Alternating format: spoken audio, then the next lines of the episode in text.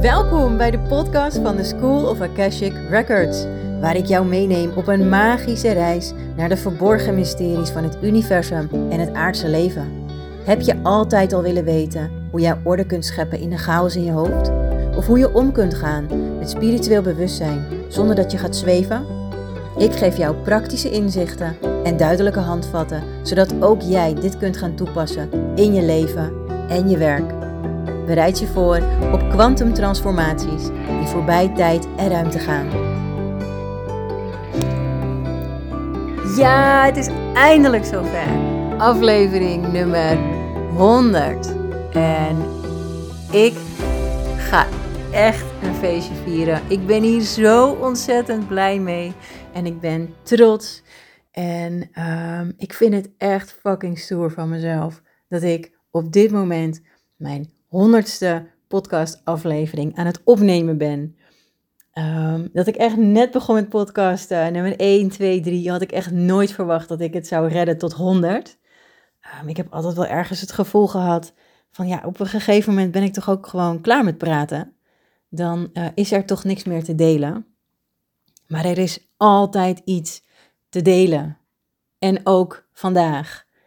Um, nu ik dit aan het opnemen ben, is het woensdag. En ik heb de hele middag echt lekker zitten kletsen met een vriendin die ook een bedrijf heeft. En we hebben lekker zitten sparren en dingen uh, gaan opschrijven en de diepte ingegaan. Um, en, en dit is een van de dingen die ik vandaag in deze aflevering wil delen met jou. Want deze aflevering gaat over mijn reis. In het kort, mijn spirituele reis, mijn honger uh, naar die spirituele ontwikkeling. En dat ik heel klein was, had ik dit verlangen misschien niet zo door. Maar nu, nu ik terugkijk, um, ik ben nu 36 jaar jong. Ik ben hartstikke jong. Um, ja, is het gewoon een fantastische reis met enorme ups en enorme downs. Um, en mijn reis begint, mijn reis begint op mijn negentiende levensjaar. En daar ga ik beginnen met kletsen. Want toen kwam mijn eerste doorbraak. En um, al die jaren daarvoor had ik regelmatig woede-uitbarstingen. Ik had regelmatig emotionele uh, dipjes. Ik dacht dat ik depressief was. Ik dacht dat ik, soms dacht ik dat ik manisch depressief was. Um, ik, ik heb echt jarenlang gedacht dat er iets mis was met mij, omdat ik niet volgens de normaal tussen haakjes, normale um, ja, mensen viel. Ik was anders en ik voelde mij anders. En dat heb ik altijd gevoeld en dat heb ik altijd geweten en dat weet ik nu nog steeds. En nu noem ik mezelf gewoon uniek. um, maar echt, hè, ik zat echt in de knoop met mezelf tot mijn negentiende. Toen kwam ik erachter dat ik hooggevoelig ben. En um, als je hooggevoelig bent, dan ben je extra sensitief voor prikkels voor bijvoorbeeld labeltjes in kleding. Nog steeds knip ik de meeste labeltjes uit mijn kleding. Weet je, die, die, dus soms dan heb ik iets nieuws en dan heb ik het gewassen en dan denk ik van, mag ik dit eigenlijk strijken? Maar dan weet ik dat niet, omdat ik het labeltje eruit geknipt heb. dus, maar anders gaat het kriebelen. Ik heb ook als er een haar in mijn shirt zit, op mijn huid, dan reageert mijn huid gewoon zo snel dat het gaat jeuken en dan wordt het rood. Um, dat is één iets van hooggevoeligheid. Of hoogsensitiviteit. Um, een ander ding is dat ik sferen uit mijn omgeving kon oppikken. Ik kon heel goed aanvoelen hoe iemand anders zich voelde, maar ook als ik ergens in een huis kwam of in een ruimte, dan kon ik vrij snel voelen ja, wat voor sfeer daar hing. Als daar net iemand ruzie had gemaakt, dan kon ik dat voelen. Uh, dan voelde het voor mij alsof ik daar niet wilde zijn. Ehm, ik had regelmatig had ik laag trillende ehm, ja, entiteiten met mij mee liften. En dat had ik helemaal niet zo door. Maar het zorgde er wel voor dat mijn energie gewoon veel lager was. Um, nou ja, anyway. Toen ik erachter kwam dat ik dus hooggevoelig was, ging er echt een wereld voor mij open. Want ik was niet anders. En ik was niet raar. En ik was niet vreemd. Het hoorde bij wie ik ben. Heel normaal, want er zijn één op de vijf mensen wereldwijd die hooggevoelig zijn. Dus ik dacht, oh, eindelijk hoor ik ergens bij. Uh, vanaf dat moment ging ik me steeds verder ontwikkelen. En ik had echt, ik had een honger naar spirituele ontwikkeling. Ik wilde meer leren over mezelf. Meer leren over wat ik voelde, waar het vandaan kwam, wat ik ermee kon doen. Uh, want ik had er echt last van. Ik had last van um, de emoties van andere mensen. Ik had last van mijn eigen emoties. Ik had last van mijn eigen woedeaanvallen. Ik had last van frustraties. Ik had last van um, ik woonde toen nog bij mijn moeder en mijn zusje. En mijn ouders waren toen inmiddels gescheiden. En ik had echt last van, van, van de pijnen waar mijn moeder doorheen ging in die periode. En ik kon er niet voor weglopen. Dus ik verlangde naar, naar begrijpen wat er aan de hand was met mij en hoe ik daarmee om kon gaan ik ging, ik ging op een gegeven moment, had ik mijn eigen huis en uh, later uh, ben ik een cursus intuïtieve ontwikkeling gaan volgen. En daar leerde ik dus uh, die sferen aanvoelen. Ik leerde foto lezen. Ik leerde energie uit een, uit een sieraad halen. Als in voelen van wie een sieraad is geweest. Ik leerde met kleuren werken, met chakra's. Ik leerde um, mijn gids kennen. Het was echt, echt, ik vond het zo ontzettend bevrijdend om daarin te ontwikkelen. En ehm, ik vond het zo gaaf dat ik toen mijn eerste bedrijf ben begonnen. En uh, ik was helemaal. Ik vond, vond meditatie vond ik echt super. Um, ik ben ook een mindfulness opleiding gaan doen. Dus ik heb mindfulness ook toegevoegd aan de trainingen die ik gaf. En ik ging me aansluiten bij een spirituele vereniging, want ik wilde meer like-minded mensen in mijn leven ontmoeten. Um, en het was echt super leuk hoor. Alleen die mensen waren zo'n beetje 40 jaar ouder dan ik, of dan mij.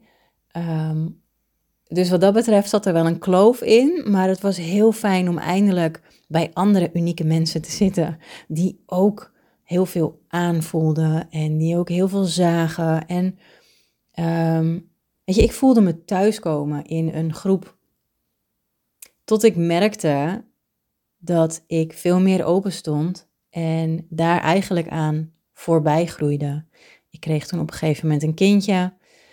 Um, het was ook niet meer mogelijk om wekelijks bij de vereniging aanwezig te zijn. En financieel gezien stortte het eigenlijk ook een beetje in in die periode. Dus ik kon ook niet meer lid zijn. Um, en toen had ik het gevoel dat ik vast zat. Ik zat vast. En um, misschien komt het omdat ik. Om, omdat ik werd gewoon een stukje bij beetje in die, in die negatieve spiraal gezogen.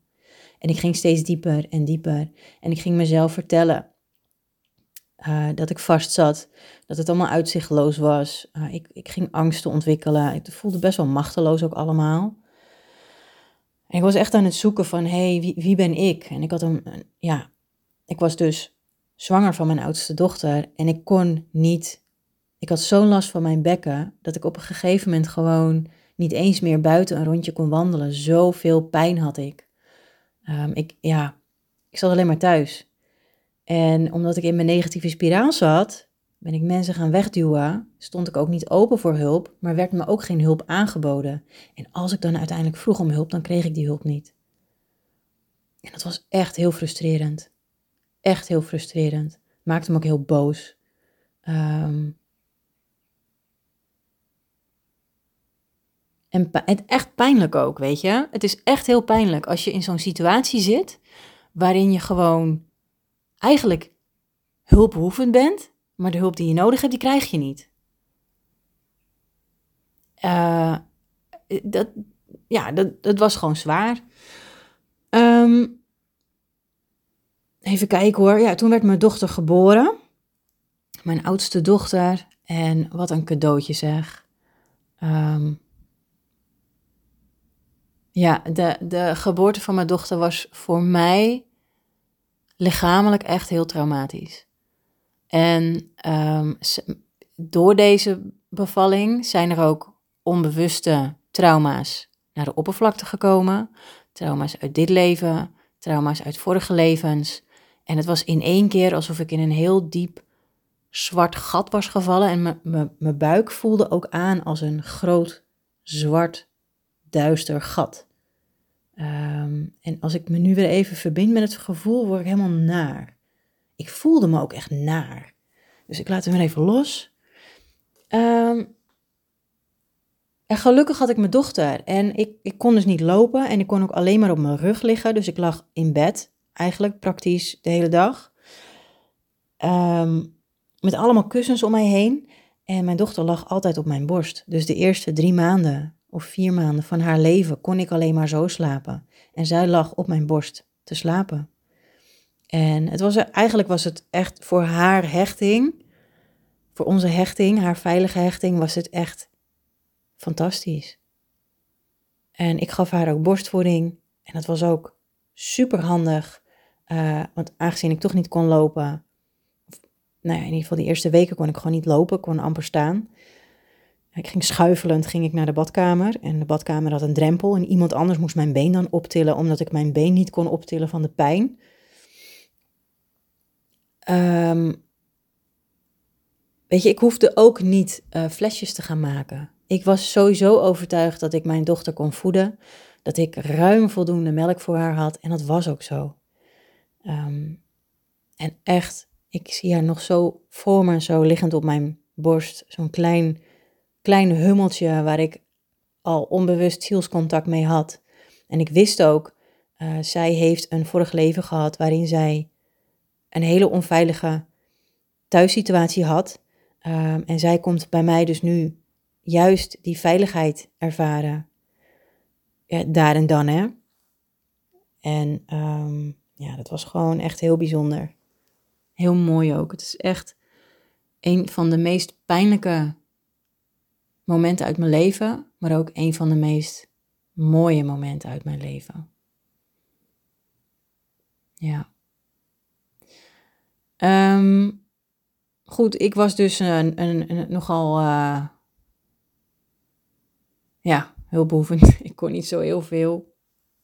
En de jaren die daarop volgden waren echt wel herstellen, herstellen, herstellen. En ik was in, in, dus in die negatieve spiraal gezakt van drama, slachtofferschap. Ik had het gevoel dat alles. Um, nou ja, dat, dat alles mij overkwam en dat ik daar geen invloed op had. En ik was, ik was echt aan het zoeken. Ik was echt aan het zoeken. Ook naar betekenis in mijn leven. Ik zat echt vast. Ik had een baan in loondienst, maar die kon ik niet meer doen. Ik werkte in de, in de gehandicaptenzorg. En ik kon vanwege mijn lichaam en de pijnen die ik dagelijks had, kon ik niet meer in de zorg werken. Ik kon niet eens traplopen. Ik ben toen met een adviseur aan de slag gegaan zo iemand vanuit het bedrijf, die heeft ook getest op welke locaties ik binnen die organisatie dan wel zou kunnen werken. Nou, daar kwam ik uit op begeleiden met de handen op mijn rug. Dus ik kwam op verschillende locaties terecht. En dat was allemaal tijdelijk. Uh, waar ik ook niet echt kon landen. Dus ik was echt aan het zoeken van, ja, ik, weet, ik weet dat ik dit gewoon niet wil. Maar ik kon ook niet vinden wat ik dan wel wilde. En ik had natuurlijk mijn eigen bedrijf wel. Maar um, ja, ja, dat liep gewoon niet, niet zo dat ik daar mijn vaste lasten van kon betalen. Nee. Um, ja, ik, want ik ben altijd ben ik heel sportief geweest. En uh, daar wil ik ook iets over vertellen. Ik heb, voordat ik dus moeder werd, uh, stond ik met een vriendin vijf dagen in de week in de sportschool. En um, gewoon fitness deden we. En vroeger heb ik aan paardrijden gedaan. Ik heb vroeger aan trampolinespringen gedaan. Ik zat op turnen. Um, wat deed ik nog meer? Ik heb een tijdje basketbal gedaan. Ik heb eigenlijk best wel veel sportieve dingen gedaan. En um, nou ja, basketbal kon ik ook niet meer doen, omdat ik toen op een gegeven moment in de zorg ging werken. En ja, daar heb je ook weekenddiensten en nachtdiensten en nou ja, dat soort dingen. Dus ik kon er niet meer zijn voor mijn team, dus toen ben ik gestopt. Echt vet jammer. En misschien hè, als mijn kinderen later groot zijn, uh, dan zou ik misschien wel weer in een basketbalteam willen, want ik vond het echt heel leuk. En ik moet zeggen, ik was er best wel goed in ook. Um, dus toen na de geboorte van mijn oudste dochter, um, toen ik zoveel pijn had constant met alles wat ik deed in mijn bekkengebied, toen heeft de fysio op een gegeven moment tegen mij gezegd van, joh luister Amanda, het, het zou zomaar kunnen zijn dat jij nooit meer kan hardlopen. Dus ga dat maar accepteren, want op dit moment is dat, ja, is, dat jouw vooruitzicht. En die kwam wel even binnen. En die deed pijn. En misschien aan de ene kant mag een fysiotherapeut dat nooit zeggen. Maar um, het heeft er bij mij voor gezorgd dat er een soort van vechtersmechanisme aanging. Uh, en ik wilde, ik wilde die fysio bewijzen, wat ik eigenlijk nooit gedaan heb, maar wel aan mezelf. Bewijzen dat ik het wel kan. Uh, dat ik wel weer zou kunnen hardlopen. En um, ik ben steeds meer gaan oefenen en oefenen en oefenen. Tot ik op een gegeven moment aan één stuk achter elkaar vijf kilometer kon hardlopen. En ik was trots. Ik was zo trots. En ik weet nog wel, mijn dochter was toen uh, 2,5. Nou, ze was 2,5 en ik was helemaal pijnvrij. En toen kon ze net fietsen. En uh, toen zijn we rondje Geesmarammacht gegaan. En Geesmarammacht, dat is een, uh, een, ja, het is een, een recreatiegebied hier in de buurt. En dat is volgens mij is dat helemaal niet natuurlijk. Dat, dat is gewoon door mensen aangelegd. Maar het is wel echt een heel fijn stuk lopen. Eén rondje lopen is gewoon net een lekker rondje. En ik ging hardlopen en zij ging fietsen. En ik was zo trots op mezelf dat dat gewoon lukte. En um, dat was echt een mijlpaal voor me. En ik had eindelijk het gevoel dat ik weer hè, meer vrijheid had in, in, in mijn leven, in mijzelf. Um, nou, in, in die periode um, werd ik dus zwanger van mijn tweede kindje. Wat een, echt een cadeautje was. En toen, toen gaf zij mij tijdens de zwangerschap, en ik heb hier laatst ook een, uh, een aflevering over ingesproken. Toen gaf zij mij een concept in handen. Dus ik was zwanger van haar. Haar lijf zat in mijn buik. En ineens zat haar ziel naast mij op de bank. Is echt zo. En ze begon tegen mij te kletsen. En ik zag echt een klein meisje met lange donkere haartjes zag ik zitten. Nou, als ik nu dan terugdenk, ze is nu bijna zes. Um, ze heeft donkerblonde haren en inderdaad lange haren. Ze is net naar de kapper geweest, dus het is allemaal weer wat korter. Uh, maar het klopt zo met wat ze me toen liet zien. Dus ze zat naast me op de bank en ze zei tegen mij: Mam, dit hè, wat wij nu hier doen, hè, dat, dat mag jij ook gaan doen voor anderen. En toen zei ik: Wat bedoel je precies? Nou ja, gewoon dit, het kletsen en, uh, en uh, de, alle, alle zielskindjes in de hemelse sferen mag jij, mag jij gaan helpen en begeleiden naar hun mama's en papa's toe. Die heel graag een kindje willen of die bij ze horen te zijn. En um, ik vond het zo mooi. En vanaf dat moment heb ik heel vaak met haar gesprekjes gevoerd. En die heb ik ook toen de tijd allemaal vastgelegd. Ik heb daar blogs over geschreven, die ik trouwens nu. Volgens mij heb ik die allemaal niet meer. Eigenlijk is dat wel jammer. Ik heb er echt heel veel over geschreven. En um,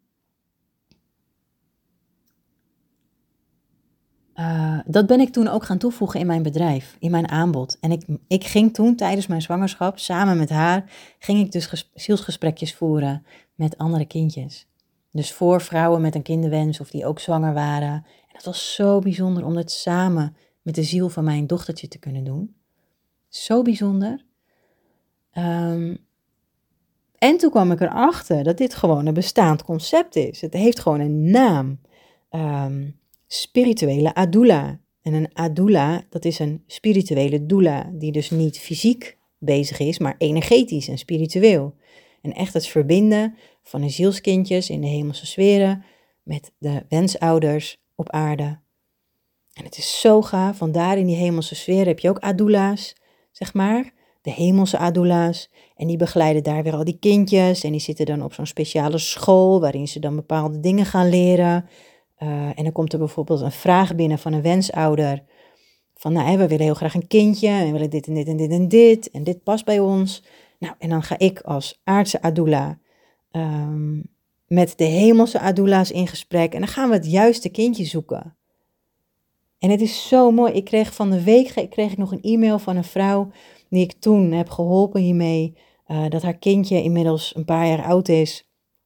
En dat ze nog een kinderwens hebben. En heel graag wil uh, dat ik een nieuwe afstemming ga doen. Dus dat ik opnieuw in gesprek ga om een kindje voor ze te vinden. Een zielskindje. Ik vind dit zo mooi om te doen. Nou, ik word helemaal enthousiast. Ja, het is echt heel mooi om te doen. Um, dus die opleiding ben ik toen gaan doen. En het was een, op, een weekendopleiding. Het was echt heel gaaf. Het was echt heel gaaf. Um, ja, en toen, toen, daarna, wat er toen gebeurde, toen stond eigenlijk wel een, mijn hele leven een beetje op zijn kop. Want het was een beetje rond diezelfde periode. Um, weet je, ik, ik, constant wilde ik meer leren, leren, leren, leren over spiritualiteit. Ik wilde alles weten en alles snappen. En meer kunnen zien en meer kunnen voelen. En ook kunnen weten wat ik dan aan het voelen was. Um, ik wilde andere mensen daarbij helpen en nog dieper op die hulpvraag in kunnen gaan. Uh, volgens mij in die periode ben ik ook tweelingzielcoaching gaan doen. Ja, dat was ook in die periode. En, en toch ervoer ik dus in mijn thuissituatie heel veel stress. Um, uh, stress, ik had regelmatig woede. Nou, niet woede aanvallen, maar meer onmacht. Onmacht, frustraties. Het zat ook helemaal niet goed in mijn relatie. Um, nou ja, hè, het, ik zeg niet dat het een de veroorzaker was van het ander. Um, ik ga ook zeker niet de diepte daarover in. Maar het was gewoon geen relatie meer op een gezonde basis. Dus mijn wens was: ik wil gewoon rust. Ik wil rust om mij heen, in mijn thuissituatie. Ik wil rust in mijn lijf, want ik zat vol met stress. En ik wil rust in mijn hoofd, want ik zat vol met, met, met twijfels, met angsten, met negatieve uh, gedachtenpatronen. Ik wilde gewoon rust ervaren. En die rust die kreeg ik. Want er kwam een gesprek tussen mijn toenmalige partner en mij. En het gesprek uitte uiteindelijk in de uitspraak: we gaan uit elkaar. Um, dus we gingen scheiden. En in het begin ging dat allemaal nog heel vriendschappelijk, uh, tot het op een gegeven moment niet meer opschoot. En uh, ik wilde gewoon die scheiding rond hebben. Want dat betekende uh, dat ik dus financieel ook wat meer ruimte had. Want het was nou niet dat we allebei een goed betaalde baan hadden of zo. We konden net aan rondkomen elke maand. Echt gewoon net aan. En als we die scheiding er officieel doorheen zouden werken, dan zou de overheid mij meer kunnen ondersteunen daarin. Want de kinderen zouden bij mij blijven. Nou, heel gedoe. Uiteindelijk is het gelukt. Um, wat heb ik hier nou? Ik heb even een aantal dingen. Ja, toen, nou, ik zat gewoon vast. Ik zat vast met mezelf. Ik had het idee dat ik er niet helemaal meer uitkwam. Want ik wilde een eigen huis. Hè, ik wilde daar weg. Uh, energetisch trok ik het ook gewoon niet meer. Constant dat heen en weer getrek aan mijn energie. En al die verwachtingen. En ik kwam niet, ik kwam niet eens tot uitrusten toe.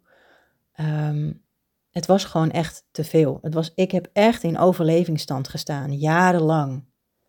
En toen kreeg ik uiteindelijk mijn eigen woning. Lang leven The Law of Attraction. Die heeft mij echt, echt geholpen. Ik heb echt gezegd: dit is wat ik wil.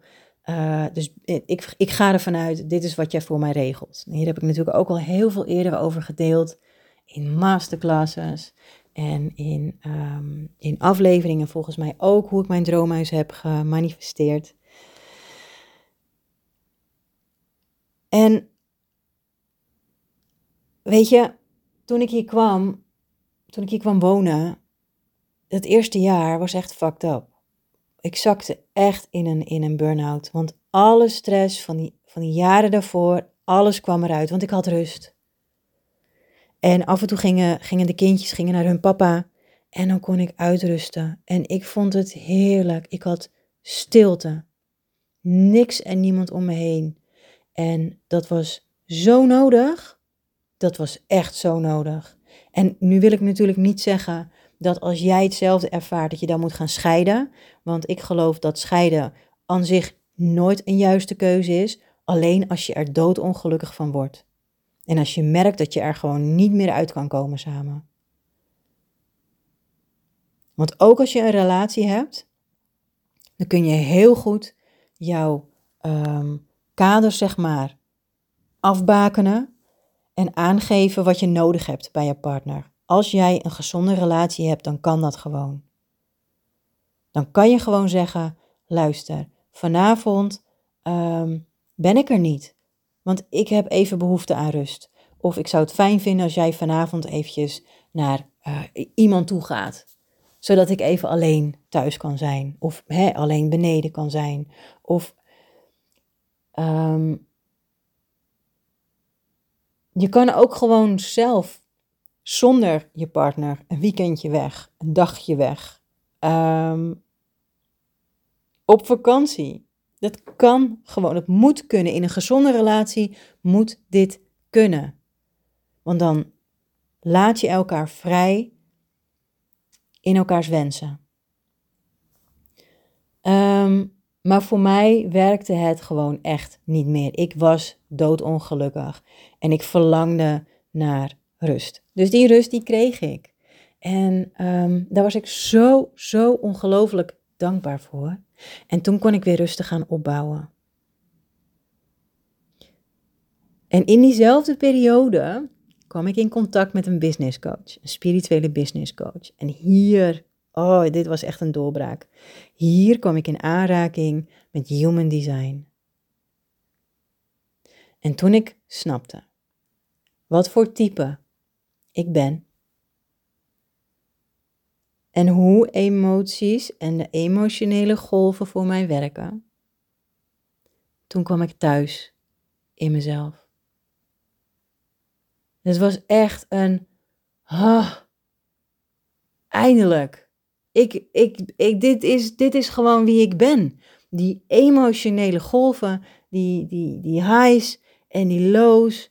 En dat hoort gewoon bij mij. Dus die woedeuitbarstingen die ik af en toe had, door die heftigheid van die emoties en het niet kunnen toestaan dat dat bij mij hoorde, maakte dat het zo heftig was. Maar toen ik snapte van joh, dit is heel normaal, hè, want ik heb altijd geleerd, je mag niet boos zijn en je mag niet heel verdrietig zijn en je mag niet um, ultiem gelukkig zijn. Je mag niet die, die, die euforische momenten hebben. Je moet gewoon balans. Gewoon rustig. Doe maar gewoon. Want dan ben je al vreemd genoeg, Amanda. En toen ik leerde, hey, dit hoort gewoon bij jou. Dit hoort bij mij. Toen echt in één keer, toen klikten er allemaal dingen in mijn systeem. En ik werd rustiger van binnen. Want het mocht er zijn. En ik leerde werken met mijn emoties. Ik leerde die cyclus kennen van mijn emoties. Ik kwam toen ook veel meer in balans. En de, de highs waren niet meer zo high en de lows waren niet meer zo low. He, die, diepe, die, die, die dipjes, die dippen. Want het was echt wel heel, heel diep ging ik af en toe. Omdat ik erin meeging. En toen ik snapte, hé, hey, dit hoort gewoon bij mij. Dit is wie ik ben, dit is hoe ik werk. Ik heb gewoon ook een druk hoofd. Ik wil altijd bezig zijn met van alles en nog wat. Dat hoort bij mij. En het is helemaal oké. Dus ik kon mezelf gaan accepteren. Ik kon weer verbinden met mij en met mijn mens zijn. Ik was altijd aan het zweven daarvoor. En toen kon ik landen, kon ik zakken in mijn lijf. Want het was helemaal oké om daar te zijn. Helemaal oké. En daar heb ik zo lang naar gezocht. Echt waar, ik heb zo lang gezocht naar dat gevoel van het is helemaal oké om mij te zijn. Ik ben mijn unieke zelf. En dat is helemaal oké. Man, het was echt een doorbraak. En um, uh, dat maakte dat ik daar nog meer, nog meer over wilde leren. Ik wilde nog meer leren over human design en over de gene want die werden ook meegenomen in die training. Um, en schaduwwerk en ademwerk en alles kwam aan bod. En ik ben zo dankbaar dat, ik, dat dit op mijn pad is gekomen, want het heeft mij zoveel gebracht. En een paar jaar geleden um, vond ik mijn, mijn zielsliefde um, ja, ook weer een, een fantastische manifestatie van een verlangen, van een zielsverlangen, van een, een man naast mij. Um, die mij helemaal oké vindt zoals ik ben. Dat vooral. Dus eerst mocht ik mezelf helemaal accepteren, landen in mezelf en toen pas kon ik die juiste man aantrekken. Die mij ook helemaal kan accepteren zoals ik ben. Want dat is hoe het werkt. Je trekt aan waar jij in zit, zeg maar. Gelijken trekken elkaar aan. Je, je, je, je trekt dat, die personen aan en die dingen aan op het level waar jij op zit. Dus als jij heel erg in die. Um, uh, in die in, bijvoorbeeld, hè, jij, jij, jij zit in een zeer uitzichtloze situatie.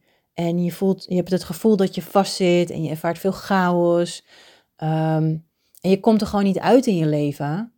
En jij bent bijvoorbeeld vrijgezel en je zoekt, je zoekt een partner dan ga je iemand vinden die daarmee matcht. Je gaat nooit iemand vinden die daar al 16 stappen aan voorbij is. Want dat kan niet, omdat jullie niet, niet levelen dan. Snap je? En daarom was het voor mij zo belangrijk om al deze doorbraken te ervaren, om te groeien, om, om spiritueel te ontwikkelen en om te landen in mezelf, om te accepteren dat ik een mens ben. Want dat was ook altijd zo moeilijk voor mij accepteren dat ik in een mens ben, in een, in een, in een menselijk lichaam. Um, want ik ben heel spiritueel en dat ben ik altijd geweest. Mijn zielstype vanuit soul design is ook een spirituele. Alleen het belangrijkste is dat ik wel als spirituele ziel gekozen heb om een menselijke ervaring op te doen. Dus het was voor mij vet belangrijk om echt te landen in: oké, ik ben een mens en ik heb hier een menselijke ervaring op te doen. En dat is leuk. Ik vind het nu leuk. Ik geniet hiervan. Ik vind het zo leuk om mens te zijn, om een spiritueel wezen in een menselijk lichaam te zijn en om te genieten van alles wat daarbij hoort. Ik vind het fantastisch. En nu, nu nu zit ik hier en nu ben ik gewoon mijn honderdste podcastaflevering aan het opnemen. En ik, oh, ik voel het helemaal in mijn buik. Ik ben zo, zo dankbaar. Ik vind het zo gaaf. Ik vind het zo leuk om gewoon, gewoon steeds meer van die, van die, van die shit van, van vroeger en al die shit van al die vorige levens uh, op te lossen. Sorry. Om, om dat los te laten, om dat op te lossen, om er doorheen te werken, zodat mijn mij, mijn ik, steeds meer die vrijheid kan ervaren. Zoals, weet je, ik ben niet perfect. En ik, er zijn nu ook dingen in mijn leven die niet fantastisch gaan. Um, zo is er onlangs ook weer iets getriggerd in mij, waardoor er een uh, vorig leven trauma weer omhoog is gekomen. En ik word regelmatig getriggerd daarin. En dan weet ik, hé, hey, ik mag hier iets mee doen. En ik ga hier iets mee doen. Ik ga binnenkort bij iemand een, uh, een trauma release sessie doen. Omdat ik voel dat dat mij gaat helpen. En als ik dat gedaan heb, dan is, kan ik weer een laagje dieper. En dan voel ik weer, weet je, dan is dat stukje, ik zie zeg maar trauma's die, die in je systeem zitten, zie ik als donkere vlekken. En op het moment dat je een trauma doorgewerkt hebt, dan is die donkere vlek weg. En dan is het, dat gat wat daar zat, is gedicht. Dan is dat compleet. En al, je bent natuurlijk ook compleet. Niemand is niet compleet. Iedereen is compleet. Maar soms zitten daar gewoon stukjes en hobbeltjes en bobbeltjes in de weg die je op kan ruimen. En dat vind ik ook zo leuk aan, aan het leven. Om te spelen, om, om daartussenin te stuiteren van het ene naar het andere en te leren en steeds, hè, steeds meer en steeds, steeds beter te worden in, in, ja, in die spiritualiteit. In dat, hoe werkt dat nou precies? Hè? Ook met de wet van de aantrekkingskracht en met je focus ergens op. En ehm, ik weet dat er nu een hele nieuwe generatie aan mensen op de wereld is die meer zien dan wat ik zie. En toch wil ik mezelf stretchen om ook te kunnen zien wat zij zien. Ehm, dus daar, ja, ik vind het leuk. Ik vind het zo ontzettend interessant. En dat is dus, dit is dus gewoon, ja, een, stukje uitleg van mijn reis hier, hier op aarde als spiritueel wezen in een menselijk lichaam. En weet je, ik weet wat niet werkt. Ik heb heel lang geroepen. De wet van aantrekkingskracht werkt niet voor mij. Dat werkt gewoon niet. Ik had zoveel dingen geprobeerd en het werkte niet.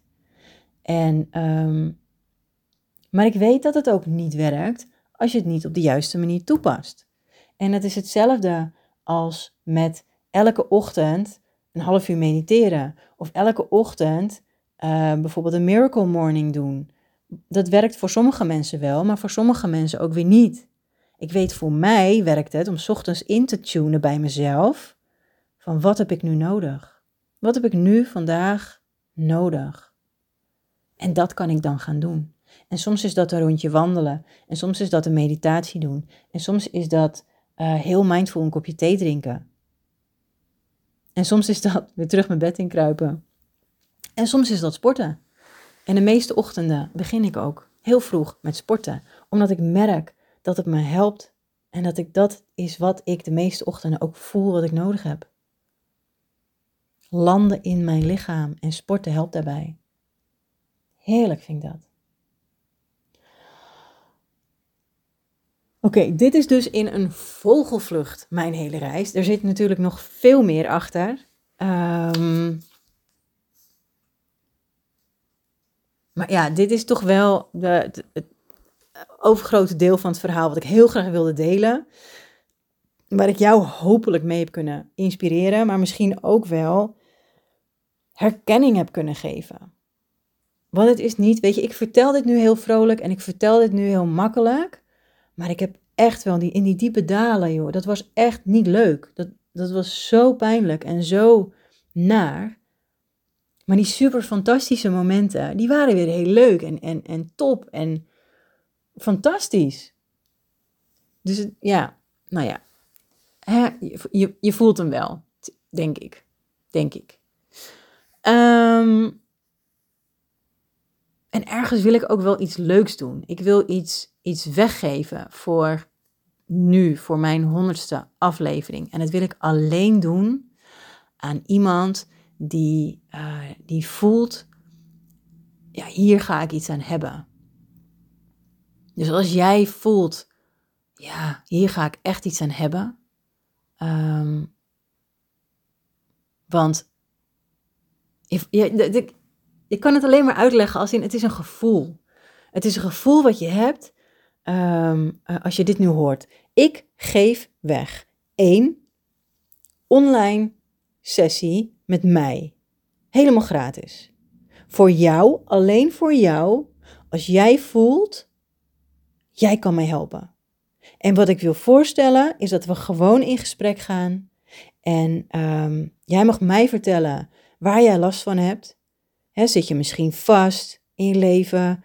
Uh, weet je niet welke stap je moet nemen? Voel je misschien heel angstig? Voel je misschien machteloos? Heb je regelmatig um, uh, boze buien of emotionele buien? Of wat het dan ook is. Jij voelt aan dat ik jou nu aanspreek.